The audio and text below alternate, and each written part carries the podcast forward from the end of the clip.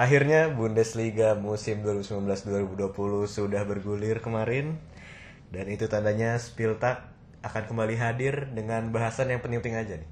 Iya. Di episode ke-44 ini masih ditemani oleh gua Gerhan Dan gua Reza. dan gimana aja jadi ja? Ya untuk Setelah menunggu berminggu-minggu kita tidak ada tontonan akhirnya jadi sebenarnya pekan lalu kita nggak ada ini episode baru.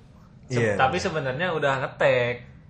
Tapi karena terlalu mepet dengan Bundesliga apa? Kita baru rekaman hari Kamis terus karena satu dan lain hal ngeditnya lama, bikin artworknya susah jadi akhirnya kita gabungnya ke sini aja lah. Jadi Iya. bahasanya nggak akan terlalu jauh beda sama yang udah direkam kemarin. Hmm, tapi nggak ada yang tahu juga sih Tapi kan nggak ada kemarin. tahu juga kan. Iya, ini Jadi sebagai ini aja klarifikasi kenapa minggu kemarin gak nongol. Enggak sebenarnya emang kita pengen ngubah jadwalnya ke semula lagi sih. Bener sih. Dari Kamis kan tadinya Kamis, karena kita Selasa lagi Iya. gitu. Menjadikan disiplin diri lagi. Disiplin diri Iya. lagi. Jadi Karena salah satu rahasia untuk menjadi podcast sukses ketika Gerhan kemarin ke box to box katanya harus konsisten. Nah, itu Bener. kita akan ya kayak kemarin lagi liburan mah nyantai, nyantai kalau udah masuk sekolah harus mulai Hmm. disiplin lagi, bangun pagi, Iya, sarapan gitu. apalagi udah banyak kan nih pada masuk sekolah nih udah pada Iya. mulai. Terus univ-univ pada ospek ya kan. Liga-liga besar sudah kembali Hmm, mulai. iya, sudah kecium lah aroma. Sudah rutinitas hari-harinya Iya, udah udah mulai jelas. ya, back to habit. Iya. Jadi banyak hal yang terjadi di pekan satu kemarin ya lumayan inilah lumayan menghibur walaupun tidak terlalu banyak kejutan yang terjadi. Iya. Tapi setidaknya Ada lah. kalau ada Bundesliga ada bahasan. Kayak episode kemarin tuh tadi kita kan bahas DV Pokal cuma kok kayak kurang gitu ya. Nonton juga males. Nonton juga kagak. Ketemunya Atlas. Nama-nama timnya susah. Sebenarnya susah. Kayak wedang jahe nah, roding roding apa? Rodinghausen gitu-gitu lah. Ngerti. Jadi di episode keberapa sih ini? 44. Episode ke-44 ini di segmen 1 kita bakal ngebahas Spieltag Ke satu. ke satu Spieltag pertama dan empat pertandingan lah kita bakal bahas karena Iya, empat. yang lainnya nggak terlalu banyak kejutan. Iya benar-benar. Ini yang rame-rame aja. Dan di segmen kedua kita bakal bahas eh, mungkin sedikit bagaimana kita melihat Bundesliga musim ini. Iya. Bagaimana prediksi juga lah sedikit. Hashtag. Spieltag Predictions. Iya, kemarin udah di, sempat diramaikan juga ya. Mungkin dengan match day 1 udah mulai berjalan ada sedikit perubahan. Iya benar, benar, benar, benar. Terus di segmen 3 kita bakal bahas transfer yang sedang ramai-ramainya karena Iya. mendekati akhir banyak pemain-pemain besar akhirnya datang ke Bundesliga. Dan Bayern Munchen lagi, akhirnya mulai sibuk ya kan, mulai sibuk Emang nih. curang dia. Emang curang. Harusnya kayak Liga Inggris. Jadi sebelum liga mulai udah selesai transfernya. Iya. Jadi kalau misalnya timnya jelek kagak bisa ini lagi, Iya, kagak tapi- bisa beli lagi. Iya bener bener. bener. Curang ya kalau gitu. Iya. Ngomong-ngomong soal Bayern, Iya. kemarin ini ada sebuah pertandingan yang menurut gue sangat mengejutkan sih. Sangat mengejutkan karena ini tim yang sebenarnya gue gadang-gadang menjadi juara. Mm. Dan ini juga mengejutkan karena apa? Bayern Munchen di pertandingan pembuka pertama kemarin imbang 2 sama lawan Hertha Berlin di kandang sendiri Iya. soalnya. Dan ini menjadi juara bertahan Bundesliga pertama yang gagal menang setelah terakhir tahun 2008 dan itu 2008 juga Bayern, Bayern. juga seri lawan Hamburg. Dua sama juga. Iya, dua sama juga. Nah, ini gitu. fakta menariknya adalah ini kita jadi fakta menarik duluan, nggak apa ya? Apa-apa. Ini fakta menariknya adalah pada musim 2008 itu Bayern nggak juara. Pas seri dua sama. Sama juga kan nih musim sekarang lawan Hertha. Yang 2-1. juara Wolfsburg ya? Iya, juara Wolfsburg. Ini udah- Akankah Udah menjadi sebuah pertanda yang sangat Yang sangat buruk. sangat sangat buruk bagi fans Bayern. Ini apakah polanya 11 tahun sekali atau bagaimana kita nggak tahu. Hmm. Cuman yang pasti kemarin sebenarnya Hertha Berlin itu nggak bermain terlalu baik juga sih secara secara penyerangannya gitu. Iya, Nggak nggak terlalu iya. baik. Dua gol yang bersarang ke gawangnya Bayern itu yang pertama ya masih bisa dibilang hoki lah dari Luka Bakio aja soalnya nendangnya di flag. Tendangan emang dari Di masih flag. jauh juga kan, Iya. emang peluang golnya sebenarnya kecil. Iya. Dan di flagnya kenceng banget, mirip kayak gol Harry Wilson kemarin juga gitu tuh, yang Bournemouth. Iya, iya. Eh, yang keduanya sebenarnya antisipasi bolanya tuh nggak terlalu sulit itu, cuman backnya Bayern entah kenapa ini padahal Boateng nggak main ya kan Yang kedua tuh ini ya, yang itu salah Pavard sih menurut gue antisipasi bolanya. sebenarnya bolanya juga nggak terlalu sulit nggak terlalu kan? sulit Iya. kayak kalau dia bergerak lebih cepat aja berpikir lebih cepat untuk ngebuang bola itu udah Aman, clear iya. dan itu akhirnya benturan ke- kepala sebenarnya Grujic sama Pavard dan setelah selebrasi itu si Grujic sempet di dirawat berapa menit sampai akhirnya pas babak pertama tuh tambahannya 3 menit atau 4 menit dan ini juga semakin menjadi bukti kalau ternyata masalah di lini pertahanannya si Bayern belum selesai. Dan ini menurut gua kenapa si Jerome Boateng sampai sekarang belum dilepas sama si Kovac kayaknya dia masih butuh sosok pemain yang bisa berpengalaman lah di belakang. nggak nggak nggak mungkin dilepas semua karena Hummels sudah ke Dortmund juga. Tapi kalau menurut lu si Hertha Berlin bermain buruk dalam menyerang menurut gue dalam bertahan ini kebalikannya 100% sih kalau menurut gue. Karena dengan nggak ada yang diduga-duga juga sebenarnya nih per formasinya si Hertha Berlin kemarin make formasi 3-4-3 apa 3-4-1-2 gue lupa. Cuman yang mengejutkan adalah si Lukas Klunter. Kalau biasa Oh, ditaruh di RB right back kemarin ditaruh di center back dan kemarin lumayan berhasil meredam Kingsley Coman sih karena Klunter kalau nggak salah tuh pas di match itu si komentatornya bilang dia salah satu pemain tercepat di Bundesliga musim lalu si Klunter emang jago sih si pemain apa wingback wingbacknya si Hertha nih bisa main banyak posisi kan kayak bener. Mittelstadt, Iya, kayak Plattenhardt, Jordan Torunariga, si Klunter. Si Bayern di pertandingan ini ketolong banget sama si Lewi sebenarnya. Lewi gol pertama tipikal gol striker banget lah itu kalau misalnya tap in ya? kalau misalnya nggak punya Lewi belum tentu gol itu ibaratnya. Hmm. Kalau misalnya itu yang di depannya siapa ya? apa Kalau yang di depannya Vitor Up lah yang dimainin gitu ibaratnya. Bisa Lewi kejual gitu. ini lebih ke positioning juga sih Iya, itu- bola bolanya Lewi banget Bola-bola Lewi banget. Lewi Aubameyang tuh bola bola kayak gini tuh kalau dalam kotak Dan di gol kedua ketika Lewi dapat penalti kan Hmm. itu banyak yang bilang kebodohannya Grujic gitu. Iya, benar, Cuman benar. di sisi lain kan berarti kecerdikannya si Lewandowski juga kan. Iya, dalam dia dalam mencari foul itu gitu. iya kayak berhasil memprovokasi lah dia Iya. mepet terus si Grujic Dan sampai- dia dan dia tahu siapa yang harus disasar gitu kan. iya Karena kan Grujic pemain emang yang emang inilah labil lah, labil. iya asli. iya bener bener Ya, pemain yang paling salah satu yang paling sering kena kartu kuning lah Grujic. Bener, Emang pemain yang temperamental juga dari dulu. Dan ini emang ke kebodohan Grujic juga sih. Lu di zaman sepak bola VAR masih narik pemain dalam kotak penalti kan bodoh ya.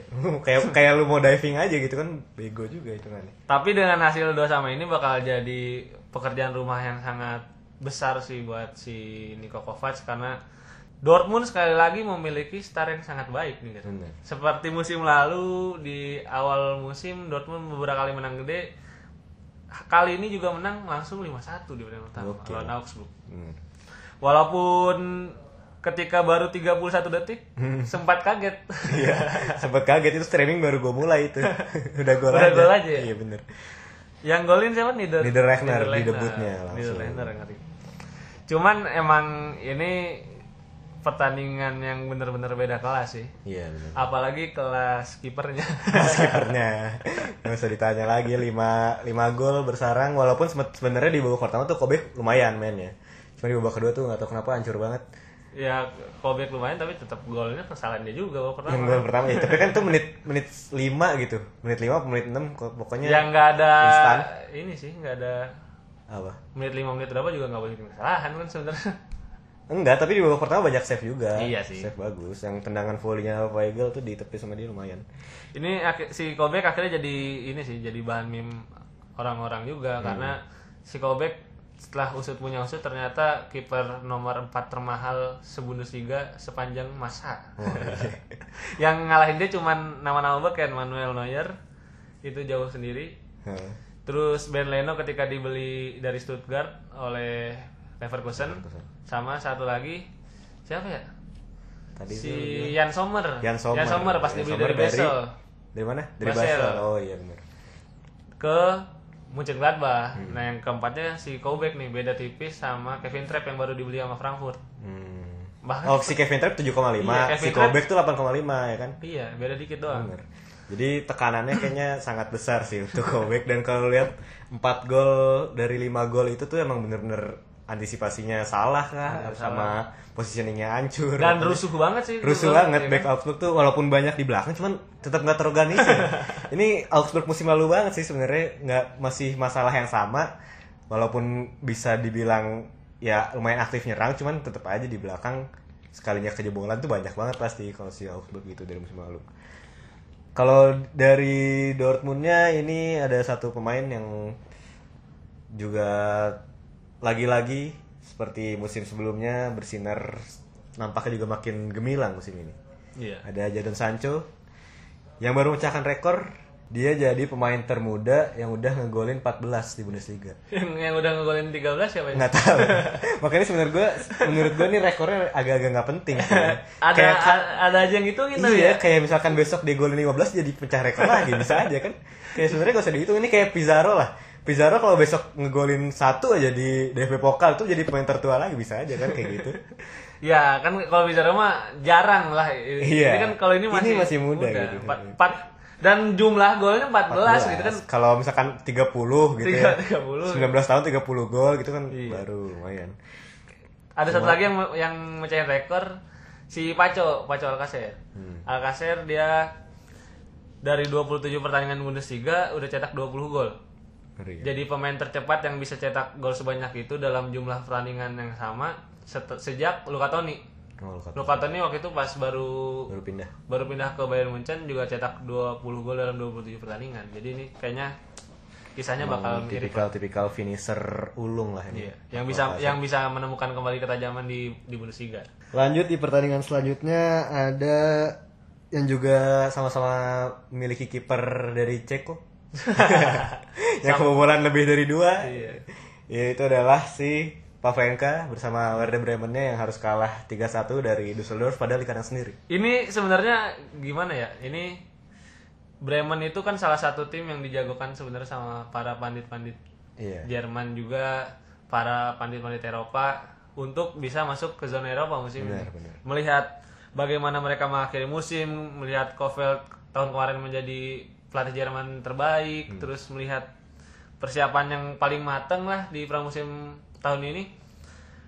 Dikiranya Bremen nih bakal memberikan sesuatu yang berbeda dari tahun-tahun sebelumnya. Iya, ini orang-orang udah pada apalagi udah beli toprak ya kan Iya. ini katanya bakal menjadi eh, kepingan puzzle yang akhirnya datang kepada Bisa Werder Bremen. mematikan Lewi Iya, di FL pas Super Cup. Di FL Super Cup. Tapi kenyataannya Bremen masih sama. Bremen dalam lima tahun terakhir tidak pernah menang di opening day dan apakah musim ini startnya bakal lebih baik kita tunggu aja. Karena di pertandingan pertama aja udah kalah 3-1 sama Düsseldorf di kandang sendiri. Gimana menurut lu sebagai fans Bremen ya? Cuma emang Bremen suka kayak gitu sih dari tahun ke tahun. Emang di saat kita ngunggulin, justru malah jatuh, malah nggak menang.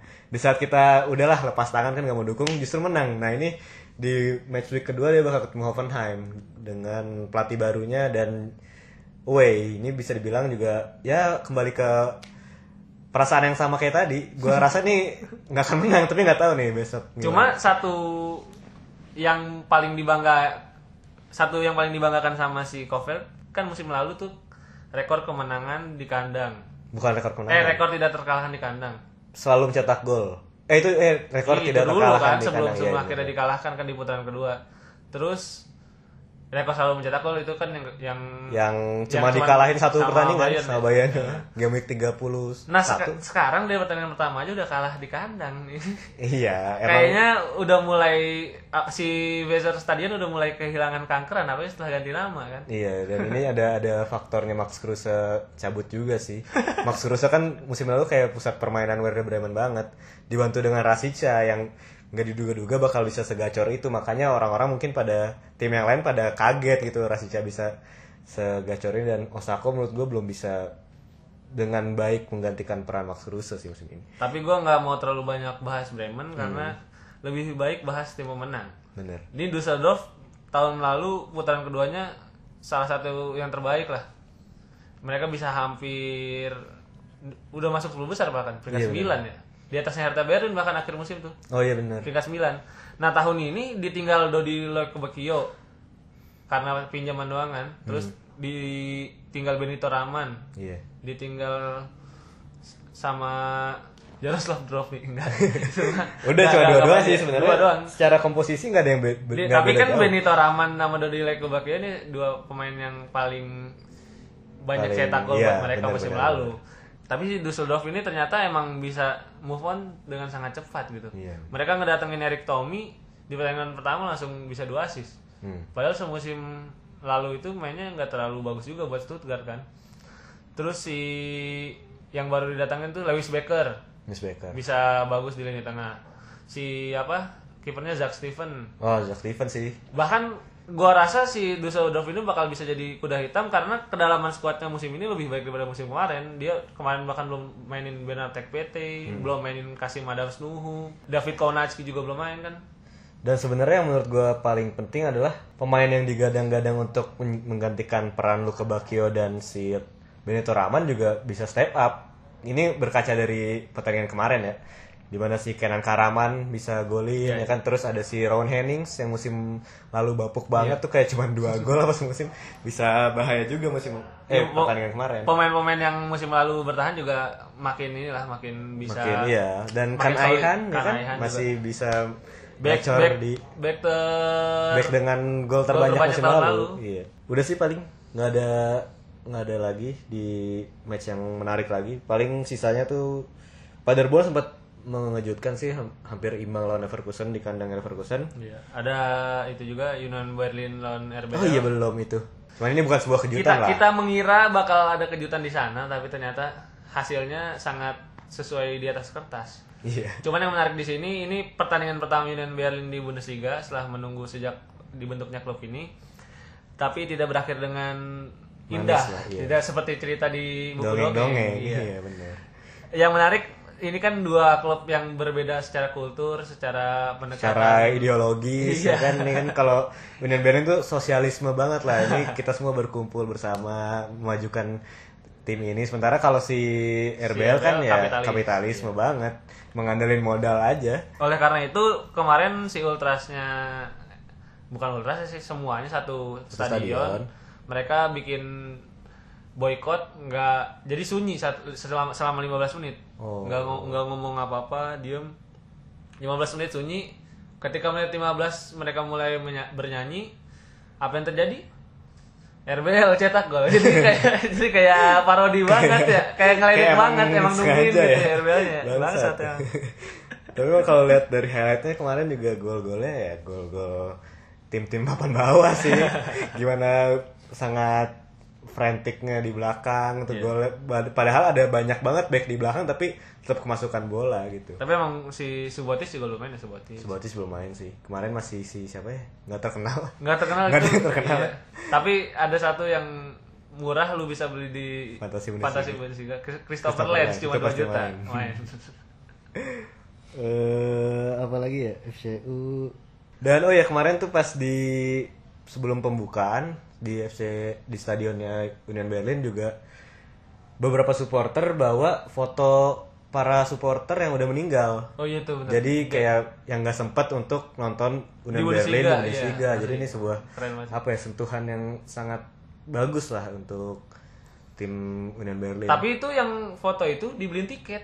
oh iya Sama fansnya Union Berlin. Jadi, Oh, jadi pas pas diumumin sama si announcernya jumlahnya over capacity. oh Jadi ya karena yang berapa tadi jumlah? buat jin lah ya buat jin Nah, itu. buat arwah-arwah Iya, kan jadi nonton karena itu dibeliin tiket juga sama Ah. patungan gitu. patungan Ya, buat iya, bener. tiket. kayak murah sih kayaknya Keren tiketnya terus sih nggak ada lagi yang menarik Iya. di game week kemarin sisanya ya Wolfsburg menang Eintracht juga menang tipis lawan Hoffenheim Iya. dan Terus Freiburg menang 3-0 jadi bagaimana Spieltag pertama mempengaruhi Spieltag predictions? Hmm. Kita bahas di segmen 2.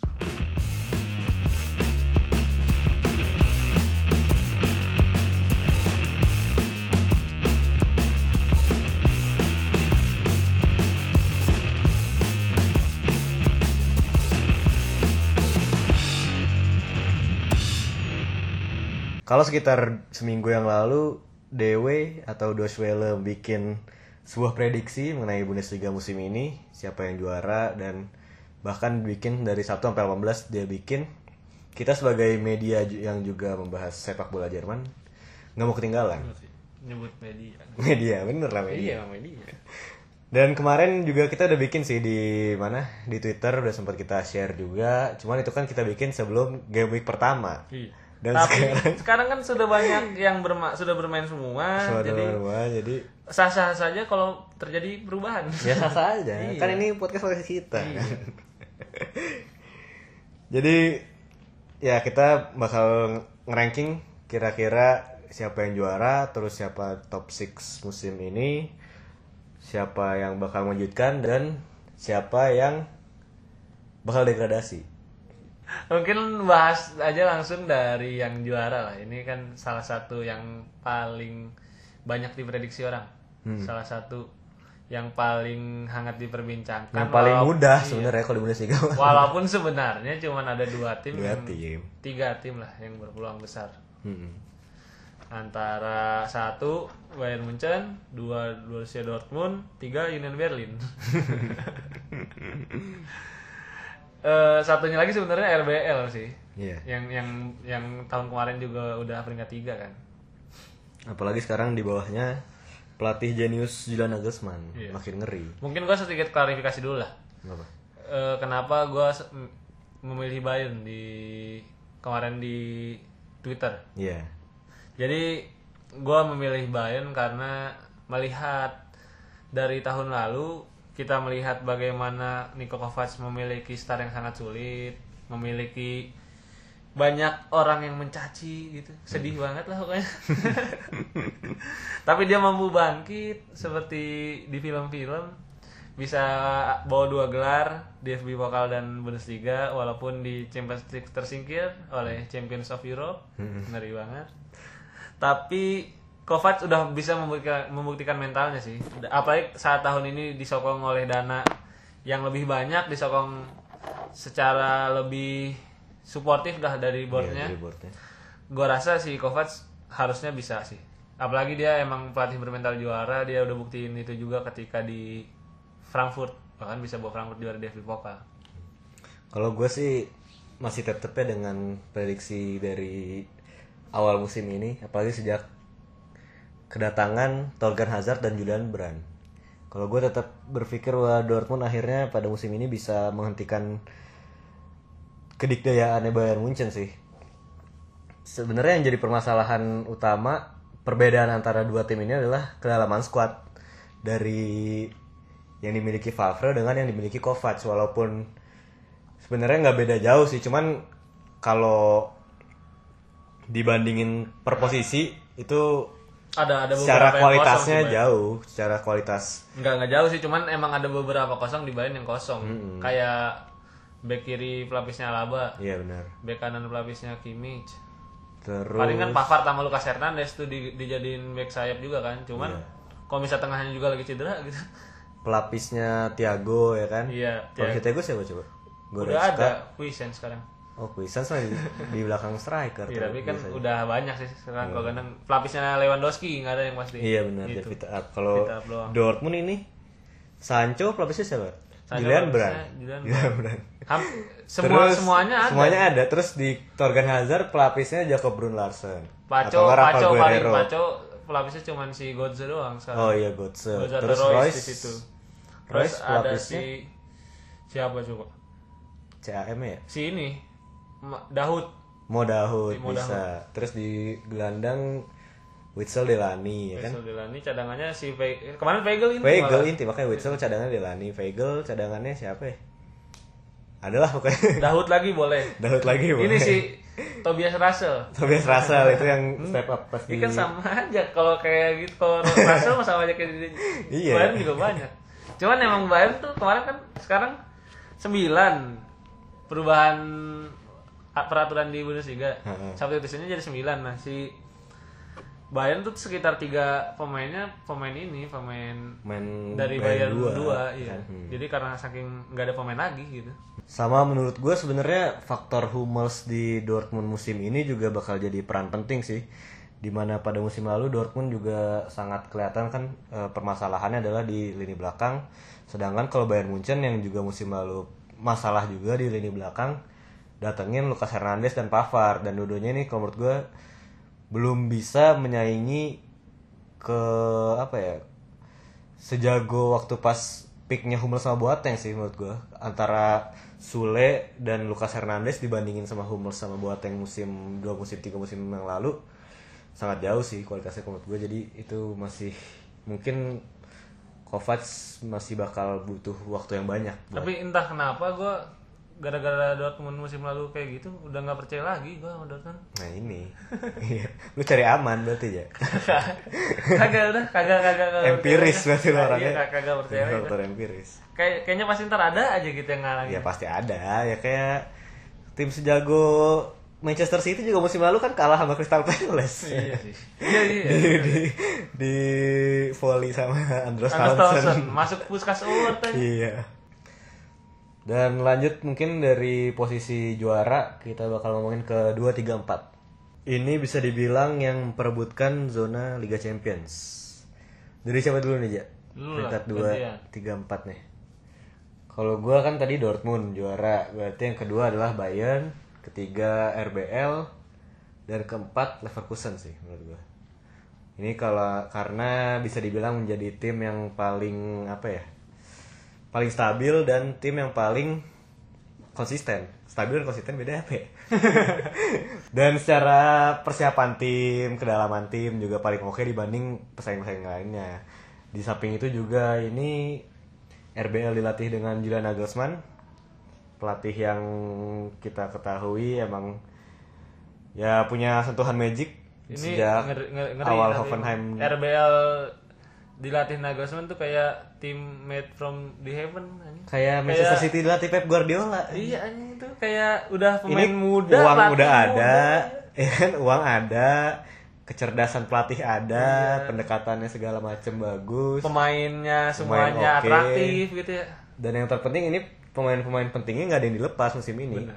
Kayak Wala- si Timo Werner. ya. Walaupun dia si Timo sebenarnya pengen pindah cuman si Bayern nggak mau nebus anjing.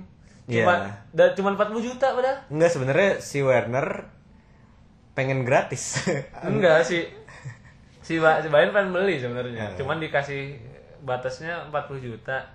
Cuman mau 25 juta. Anjing 25 juta masih mahalan gebaman ke Everton. ya karena kan karena kan Werner kalau 25 juta mungkin dikiranya kemahalan buat jadi ganti-ganti nama Coman atau Lewandowski kan nggak mungkin tuh. Bisa. Satu-satunya ya, posisi yang di yang terancam ya Kingsley Coman dong kalau Werner masuk kan. bisa aja sih Dewi juga sebenarnya Iya. biar dirotasi kan main Liga Champion juga. Oh, bener-bener. Terus terusin tadi. Ya pokoknya itu kan RBL ketiga dengan Nagelsmann-nya. Yang keempat Leverkusen juga ya lagi-lagi dengan pelatih yang bisa dibilang ini punya ambisi yang sangat kuat sih Peter Bos ini. Setelah pada kesempatan pertamanya di Dortmund dia benar-benar ancur-ancuran dan kemarin alhamdulillahnya dia udah bisa Alhamdulillahnya. bisa membuktikan itu tapi yang dibutuhkan kan dari sebuah tim ada konsistensi. Bener. Bener. Dan Peter Bos kayaknya bakal memutar otaknya untuk bisa tetap berada di zona Liga Champions musim depan. Apalagi juga sama dengan RBL juga sih kayaknya dia yang di retain juga lumayan banyak kan pemain utamanya cuma kehilangan Julian Brand doang. Secara kualitas nggak berkurang banyak dari musim lalu itu sih paling. Kalau gua yang kedua udah pasti Dortmund. Yang ketiganya Leverkusen karena dia punya lini depan sebegitu bagusnya. Kalau sampai ini kagak masuk ke zona Liga Champions, ini benar-benar sebuah kesia-siaan lah si Peter Hmm. Bos. Berarti emang pelatih gagal nih. Kalau kalau udah punya lini serang kayak sebagus itu tapi tetap nggak masuk ke zona Liga Champions. Yang keempat ng- ngejagoin Gladbach entah kenapa ini mah feeling aja sih sebenarnya. ya, ya yang pertama gua ngeret Rose. ngeret ngeret Marco Rose. Pelatihnya pelatih bagus, pelatih bermental juara juga. Anjing gua ng- ngomonginnya mental terus dari tadi ya. Kayak Iya, kayak kayak psikiater. psikologi. Nah. Dimarahin anak psikolog lu ntar. Eh, gua rasa Gladbach tahun ini lebih lengkap. Dia punya kedalaman squad juga bagus. Markus Thuram datang di kanan ada Stefan Leiner, Remy Remy Ben Sabeni di di kiri. Gua rasa si Gladbach bakal bersaing ketat sama RBL sebenarnya cuman gue jagoin Gladbach aja nggak tahu kenapa sih sebenarnya. Langsung aja lanjutin berarti ke peringkat 56 nih. Tingkat 56 56 ini zona Europa League. Europa League. kalau kemarin peringkat tujuhnya main di Europa League karena juaranya di FB Pokal tahun kemarin Bayern. Hmm. Itu sebagai penjelasan aja. Peringkat limanya gue prediksi RBL karena ya itu tadi udah dibahas panjang lebar. Nah peringkat 6 ini yang susah. Karena sebenarnya kandidatnya banyak. Ada Bremen, ada Hoffenheim, ada Eintracht, ada Düsseldorf juga mungkin. Hertha Berlin juga bisa. Schalke mungkin juga Schalke, revive bener. musim ini. Dan gue kemarin lupa gue jagoin siapa nih. Lu ini Frankfurt. Frankfurt. Frankfurt ya. Nggak tahu. Wolfsburg, Wolfsburg. Nah, Wolfsburg, gue jagoin Wolfsburg bukan Frankfurt. Wolfsburg karena itu tadi Anjing. lagi-lagi gue banyak berubahnya ya. Enggak sebenarnya antara Frankfurt sama Wolfsburg sih sebenarnya kandidat terkuatnya. Tapi kayaknya sih Wolfsburg lebih lebih apa ya? Lebih Matang. lebih matang lah secara pemain dan secara permainan. Karena si Frankfurt nih biasanya fokusnya ke Eropa. Iya, iya. kemarin aja sampai semifinal tapi akhirnya terpleset hampir nggak lolos ke Europa League lagi kan. Bahkan mereka untuk lolos ke fase grup aja harus berapa kali pertandingan nih? Sekarang udah dua kali pertandingan nanti terakhir masih harus melawan RC, Strasbourg Hmm. di playoff Europa League. Jadi mereka bermain jauh lebih banyak daripada tim-tim pesaing yang lain lah. Itu juga yang jadi faktor mungkin si Frankfurt bakal banyak rotasi pemain apalagi eh, mereka juga ditinggal si Jovic Iya. Dua Sama- dua kreator gol Iya. utamanya bisa bilang. sama siapa dua Kan Jovic sama Haller. oh sama Haller Aduh, Jovic sama? Haller untung diinget ya Wolfsburg aja lupa Dan- gitu mau masukin Düsseldorf coba. Aduh. dan Aneh. dan dan dan penggantinya sekarang kan si Daichi Kamada sama si, Si- Dejan Joveljic belum terbukti. Paciencia. Iya, Paciencia kan udah musim lalu. Basdos juga nggak tahu nih gue tentu. setelah balik lagi ke Bundesliga bakal gacor apa enggak. Makanya gue lebih jagain Wolfsburg apalagi kemarin si Weghorst pertandingan pertama langsung golin juga walaupun formasinya baru tapi ya gua rasa si Glasner nih bisa lah. Dia lins aja bisa dibawa sampai peringkat 2 di Austria Iya, gitu kan. Kan iya iya sih. Iya. Cuma enggak gua gua beda sih. Iya siapa? Kalau kelima gua Itu siapa tadi gua udah nulis kan? Oh, kelima gua Gladbach. Tetap Gladbach sih, soalnya dilihat dari pembelian dari siapa namanya? Embolo. Marco Ros juga sangat tepat sih kalau gue bilang beli Embolo terus beli Saver Slager ya. Eh Slager di mana sih? Saberslager. Bek kanan terus beli bek Enggak, kiri. Saberslager mah Wolfsburg. Oh iya beda ya. Kemarin asis. Anjing. Kan Gladbach enggak golin kan kemarin 0-0 Iya, Celta. no, no. Oh, berarti Stefan Liner. Liner sama bek kiri Remy Ben Sebaini dan Ter- ter- enggak gua nih pelatih dari Swiss Austria pada ke Bundesliga pemain juga banyak banget gitu jadi pada ketuker-tuker timnya asli dah Ah. Dan ya Gladbach punya skuad yang oke lah untuk bisa bertahan di lima besar walaupun main di dua kompetisi. Dan terus di posisi ke-6 gue milih Werder Bremen sih, Ah. tetap. ini sangat Karena ya ini mustahil. faktornya adalah Florian Kohfeldt dan Werder Bremen menjadi tim yang cukup konsisten dari 2-3 musim terakhir. Konsisten mengecewakan. Konsisten berada di ini berjuang di Europa League berjuang di apa namanya zona perebutan Europa League walaupun nggak pernah masuk. Ini eh, musim ini juga pasti kayak gitu Enggak karena dong. saking konsistennya. Dan ya lawan-lawannya kan si Wolfsburg skuadnya cetek main di Europa League ngos-ngosan pasti. Lihat aja tuh si Kol udah banyak ininya. Eh, contohnya Kol, Freiburg, Augsburg ujung-ujungnya Stuttgart ya kan? itu kan tim-tim yang disebut tadi itu bisa main di Europa League tuh. Heeh, Bremen di bawahnya waktu itu heeh. pas nih tim ini ke bawah Bremen tetap di situ yang lainnya naik berarti ya kayak gitu ya Iya kayak gitu terus. Berarti Dan musim ini siapa yang naik?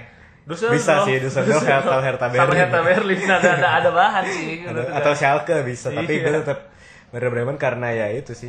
karena Eh, kecintaan lu aja ini mah Enggak, ini secara objektif ya. Banyak banyak ini bukan ngomongin gue, secara objektif banyak juga kan eh, pandit-pandit yang jagoin Bremen masuk peringkat 6 atau 7 Iya. dan gitu. gue yakin mereka pasti nyesel sih ngeliat kemarin Ya udah, kita menang. lihat aja di akhir musim ini perlu ini apa? Kita taruhan. tiket PP Singapura jersey, jersey. ini terlalu panjang ya segmen ini langsung aja kita bahas ke degradasi lah ini agak dipercepat aja nggak perlu dijelasin lah degradasi kenapa Degradasi. pasti karena karena ini aja karena pemainnya kita banyak yang nggak kenal Enggak sih. peringkat Emang 18 mainnya hancur. gue rasa ini auto Paderborn Paderborn ini tipikal-tipikal tim yang eh syukur lah Bisa udah masuk bisa lagi. masuk Bundesliga lewat Lumayan lah buat nambahin duit ya kan. peringkat 17 Augsburg nih tim udah hancur banget emang udah Saatnya. saatnya saatnya degradasi Pembelian nggak jelas. mereka mulai terseok-seok sejak ditinggal sama Ragnar Klavan Ya. Dan Itu terakhir kali itu- masuk Europa League kan. Iya, itu pemain yang sangat berpengaruh berarti. Peringkat 16-nya di playoff setelah melihat Union Berlin kemarin seperti itu, gua sebenarnya antara Union Berlin tapi gua nggak tega naruh Union Berlin situ karena timnya bagus, jadi gua masukin Mainz. Hmm. Timnya bagus. kan sebenarnya biasa aja timnya. Cuman secara kulturnya bagus gitu. Ya kan itu tim juga kan, Iya, kultur tim. Kalau lu Kalau siapa? gua gua ini ngeliat Augsburg sih Augsburg sih kayaknya dengan kiper termahal keempat degradasi. itu kan epic banget. Peringkat berapa? 18. 18 Augsburg sih gua. Ya karena ya itu tadi pembelian kagak jelas kan Chris Oxford tiba-tiba dibeli nggak berhasil mempertahankan Hinteregger terus belinya Niederlechner coba dari Freiburg ini nggak nggak memberikan apa-apa bagi tim kayaknya ini soto sih cuman terus di peringkat 17 gue milih Paderborn Paderborn karena ya bisa pada akhir musim mungkin dia bisa agak kayak Stuttgart musim lalu lah bisa fight dikit karena ngeliat kemarin juga mainnya lumayan bagus ya Ya, Ugal-ugalan lah, bisa dibilang kan hampir, dua. hampir. Hampir tim, sih, tim, tim yang selalu hampir lah ini. Hmm. Kayak Werder Bremen lah. Terus di peringkat 16-nya gue milih Mainz juga sih. Oh, si Union Berlin mungkin sama Mainz bakal kejar-kejaran di sampai akhir musim juga sih kayaknya. Mainz juga tergantung si Mateta sebenarnya musim ini kan apalagi masih cedera nih si Mateta nggak tahu di paruh kedua gimana. Mungkin itu. Mungkin itu Skill sih. tag predictions untuk Bundesliga 2019 Untuk lengkapnya 2020. untuk lengkapnya ada kan di Twitter. Itu sebelum game week 1 mulai tapi. Itu yang punya gua kan. Iya. Dan kayaknya udah banyak berubah. ya pokoknya Werder Bremen ke-6 sih itu.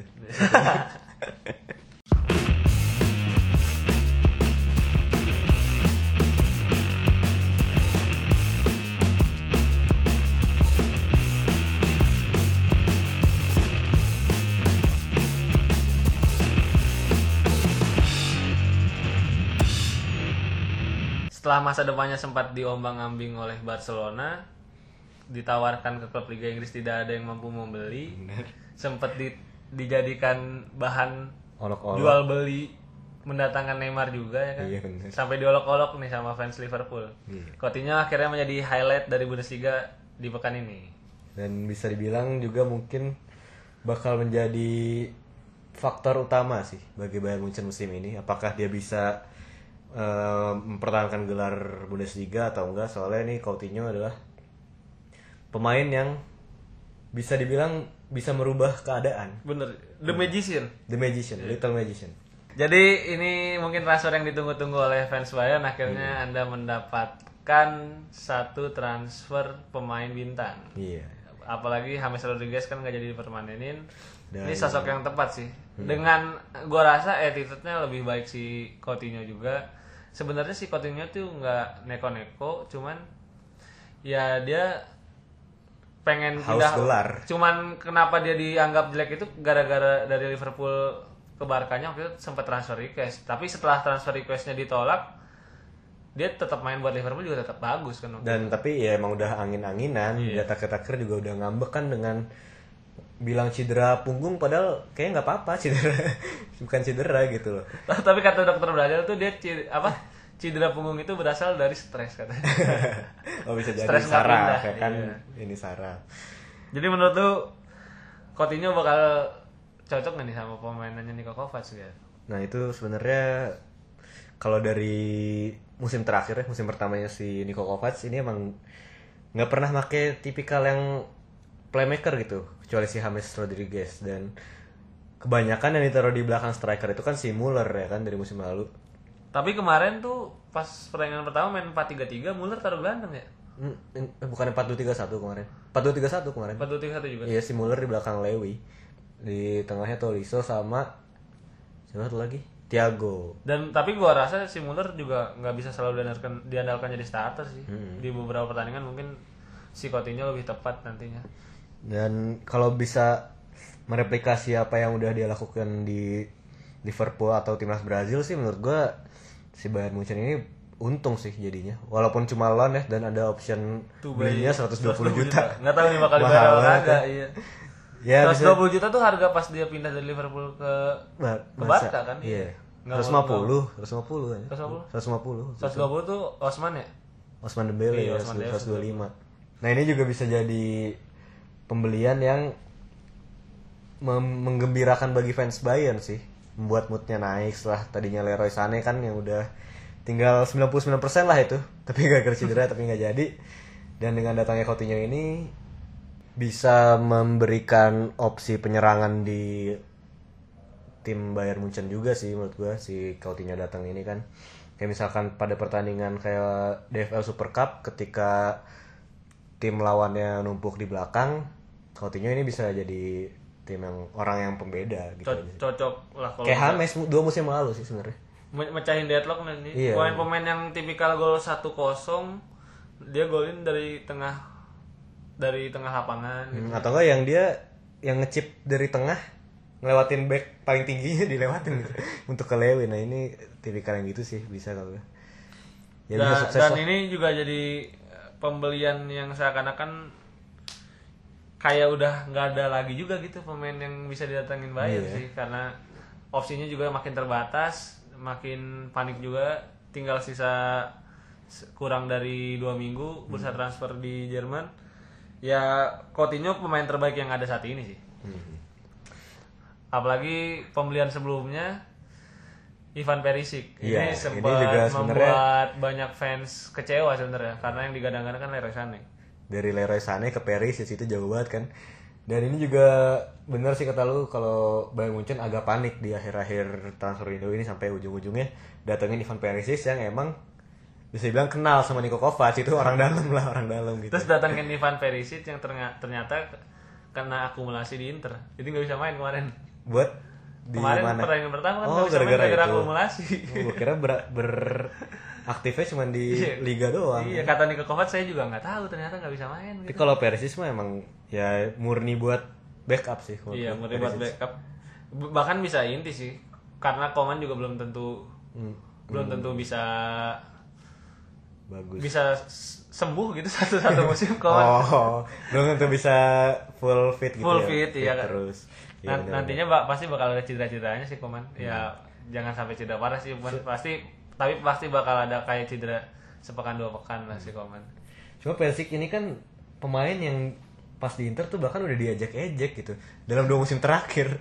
Enggak se- semusim terakhir lah. Semusim ya, semusim ya. Iya, musim lalu tuh masih ada gosip kayak ini masih ada. Iya, dua musim yang lalu masih ada Musim tuh. lalu juga masih ada. Oh, musim lalu masih ada. Musim iya musim Ya lalu. musim lalu kan diajak-ejaknya musim, musim lalu. Ya setelah World Cup berarti. Setelah World Cup. Heeh, musim lalu hancur kan. Iya. Dikata-katain. Musim lalu itu cuman 9 gol 7 assist kalau nggak salah dari Hmm. 45 pertandingan. Untuk seorang wing kiri. Ini sebenarnya bagus, cuman Lumayan. di dua musim sebelumnya itu dia catatannya 11 gol 13 assist, kalau Hmm. sama 11 gol 12 assist. Jadi emang sebenarnya penurunan. Jadi si Inter juga kayaknya nyesel banget nggak nge- ngejual ke MU waktu itu. Tapi untuk ngegeser Koman kata gue susah sih. Kalau misalkan si Komannya Kalau- fit, kalau ya. fit terus, Kalau fit itu susah, susah. susah. Bahkan Coutinho pun untuk taruh di kiri geser Koman juga susah menurut gue. Tapi Kecuali juga- emang mau ganti perubahan cara main. Iya iya. Cuman tapi nggak tahu kenapa gue lebih seneng Coutinho di kiri sih sebenarnya. Kayak lebih efektif aja. Karena bisa kita bisa melihat Robben kaki kanan Iya. dengan adanya Coutinho. melihat Robin versi Brazil. Iya, Robben versi Joga Bonito. iya. Jadi cut, cut inside ini seolah-olah membawa nostalgia. Iya. Padahal baru musim lalu ya. Kayak lu udah tahu dia bakal, Bakal cutting ke sana, ya kan? Tetap aja nggak akan bisa. Dan pemain-pemain placing-placingnya kayak juga tai sih Coutinho ini sebenarnya kan. Iya dengan cara yang hampir sama lah. Iya, ini jadi ngomongin Coutinho lagi ya kan. Perisic emang mm, kelasnya Dan sebenarnya yang sempat jadi perbincangan juga adalah Cuisance nih. benar. Yang yang didatangkan Bayern juga 10 juta kalau ini nggak loan nih. Ini juga nggak tahu sih apakah ini panik buying apa enggak. Cuman gua rasa dari sisi Kuisansa ini sebuah blunder sih. Pemain muda, belum 20 tahun kan, baru 20 tahun. Iya. Be- Pas Euro 21 kemarin dapat panggung, main Hmm. bagus, pre-musim juga main bagus. Ketika dia harusnya emang di Gladbach, juga kan musim lalu belum main terlalu banyak. Hmm. Kegeser sama Florian Neuhaus kan tahun kemarin. Kemarin breakthrough-nya Florian Neuhaus. Kuisen harusnya musim ini sih. Iya, dan apalagi dila- dilatih dengan pelatih baru Iya, harusnya bisa apalagi pelatih baru biasanya belum belum nentuin siapa starting 11-nya dan kalau nggak salah si Gladbach juga ganti formasi ya musim ini. Jadi 4 4 4 2 diamond. Empat- tahu gua. Empat- 4 4 2 diamond. Iya benar. Jadi lebih butuh banyak CM dan Si, si Thuram juga kadang jadi striker. striker ya kan. Nah, ini si Kuisans malah milih ke tim yang udah punya Thomas Muller, Coutinho, Goretzka. Goretzka, Tolisso. Thiago, Tolisso, sama Renato Sanchez. Nah makanya nih, ini Kayak sempat kayaknya sih Renato Sanchez sih yang bakal iya, keluar. Renato Sanchez sudah jelas sih kemarin pas setelah pertandingan pertama tuh masuk menit 85 ditanyain sama jurnalis, lu nggak mau cabut aja? Mau dia bilang. yes yes gitu katanya. Udah udah benci Apalagi kan banget. si Kuisen datangnya pas banget pas banget kan. setelah pertandingan itu makanya kayak kasihan juga sih Renato Sanchez. Menurut gue butuh tim yang yang lebih bisa memanfaatkan dia sih. Kalau menurut lu gimana Kuisans nih? Ya ini sama kayak Vita Up sih. Iya. Terlalu, terlalu cepat apa kepindahan keputusan besar yang terlalu cepat lah. Iya benar benar. Kalau misalnya musim, minggu ini Bayern datengin tiga pemain, datengin banyak pemain, si rivalnya Dortmund justru ngebuang banyak pemain gar selama dua pekan terakhir. Iya, ini juga akhirnya eksodus pembeliannya Thomas Tuchel Iya. akhirnya keluar semua tuh udah. Ada yang ke Segunda dua pemain, Nah, si Sergi Gomez sama si Philip eh Philip. Shinji Kagawa. Shinji Kagawa. Shinji Kagawa ke mana sih? Real Zaragoza. Real Zaragoza. 2 juta doang. Iya. Sergi Gomez ke SD Huesca. Hmm. Si yang si Kagawa tuh kayaknya emang lagi banyak pemain Jepang di Segunda, Pak. Kemarin ada si Gaku Shibasaki turun kasta dari La Liga ke Segunda sama si Shinji Kagawa. Eh Shinji Kagawa, Shinji Okazaki, Shinji Okazaki. ke Malaga. Terus ada juga yang pindah ke Liga Rusia. Maximilian Bell itu Dinamo Dinamo apa ya? Dinamo Moskow. Dinamo Moskow kan. Dinamo Moskow. iya. Ngikutin si Andrei Surlo berarti kan? Ini Sure Spartak Moskow. Iya, ngikutin ke Atau Liga Rusia maksudnya. Iya. Maximilian Philip 20 juta ke Dinamo Moskow. Iya, ini untung sih ya, lumayan. Iya. Sama terakhir yang paling pemain terbaiknya selama di FL Super Cup, Omar Toprak Nomor Toprak. ke Dortmund. Ke Dortmund walaupun loan, tapi ada opsi Tubai-nya juga. Jadi ini eh flash sale-nya Dortmund laku keras di sini. Semua kejual ya kan. Goyang. Cuman yang yang nggak pakai voucher tuh si Dinamo Moskow berarti 20 juta soalnya. Mahal Sa- salah salah voucher. ya. Nggak dapat voucher kayaknya. Nggak masukin kode gitu. Vouchernya nggak nyampe Rusia kayaknya. Mahal ongkir Mahal soalnya. ongkir. Mahal di ongkir bener. Terus udah sih paling kalau yang Dortmund Itu nggak nggak terlalu menarik Nggak itu pemain-pemain juga dan Deadwood Deadwood. Cuman ada satu lagi pemain yang menarik yang didatangkan di bursa transfer Bundesliga musim ini. Dia dia sama Seko pindah dari RB Salzburg ke Hoffenheim. Hoffenheim 14 juta. Ini lumayan mahal lah itu kan untuk pembelian Bundesliga. Dan ini pembelian yang sangat ketaker dari Salzburg ke Bundesliga. Jadi bener-bener abis sekarang gelandangnya Salzburg kalau lu lihat dari musim lalu tuh. Sisa sih Dari musim lalu lah Amado Haidara, Hannes Wolf, berarti si sama Seko. Safer Slager, Juzovic. enggak siap ada lagi yang pindah ke mana? Oh yang pindah. Ke ini. Nggak Udah sih nggak ada Udah nggak ada lagi. ya. Kayak- Kayaknya kayaknya nggak ada, Si cuma ini bukannya dipinjemin doang Wang Hichan. Wang oh, Hichan. bukan bukan kan bukan bukan gelandang. Iya. Sisa si Soboslai, Soboslai juga kalau nggak salah diminatin Arsenal sama Juventus kalau nggak salah. Hmm. Jadi emang sebenarnya penghasil gelandang-gelandang yang cukup baik sih. Apalagi sih sama Seko ini, sama Seko di Piala Afrika mainnya juga bagus. Ya tipikal mainnya mirip-mirip sama Didi lah. Mirip ini sih kayaknya Denis Zakaria kayak mirip ya. Ya, jadi Iya, kayak yang- sebenarnya dia energik, dia bisa ngerebut bola emang. Tapi nggak nggak cuma di situ, dia juga bisa nge nge create space, dia bisa shooting juga. Iya. Jadi komplit lah. Apalagi posturnya juga lumayan tinggi gede gitu buat jadi di lini tengah buat duel. Ya cuman ini Hoffenheim masih bisa dibilang berjudi juga sih dengan datangnya sama Seko. Karena lini tengahnya Hoffenheim sebenarnya udah lumayan padat sih. Kalau gue lihat kan ada Dennis Geiger yang musim ini baru sembuh cedera, terus Leonardo Bittencourt, Florian Grilis, Florian Grilic sama Ruh Ruh, baru sembuh. sama Sebastian Rudi. Sebastian Rudi juga baru masuk. Nah, ini juga ya tapi Ya tapi nggak ada yang sekelas sama Seko sih sebenarnya. yang gak ada yang semahal sama Seiko sih. Karena lu ngabisin 14 juta buat ditaruh di band sayang dong. Iya. Kecuali lu Sheffield United beli Oliver McBurney ya kan. Lis Mouset buat ditaruh di cadangan. Ya, bener. Ya sa- sama Seko, ya tadi yang lu sebutin kayak Lukas Rup, kayak Bittencourt, kayak Dennis Geiger ya bisa dengan mudah digeser sama si sama Seko sih. Hmm, gue gak, gak tahu banyak sih soal sama Seiko soalnya. Ya apalagi kan ditinggalnya sama si Amiri sama si Demir Bay. Oh, Ngaruh bener. banget kan musimnya. Udah paling Udah sih itu aja. Ada. panjang banget episode panjang episode ini lumayan lah. Bisa lah ntar diedit jadi 40 menit. Ini aja udah Enggak sih, nggak 55 mungkin. totalnya. Iya, bener. Ya udah sih paling gitu aja di episode ke-44. Iya. Selamat datang kembali kepada Iya. Bundesliga Eh, terus ya kan. ternyata kita jago main fantasi Bundesliga. Iya, emang jago kan. 159 poin. Emang jago. Malah jagonya ke Fantasy Bundesliga gue musim ini. Karena FL gue hancur.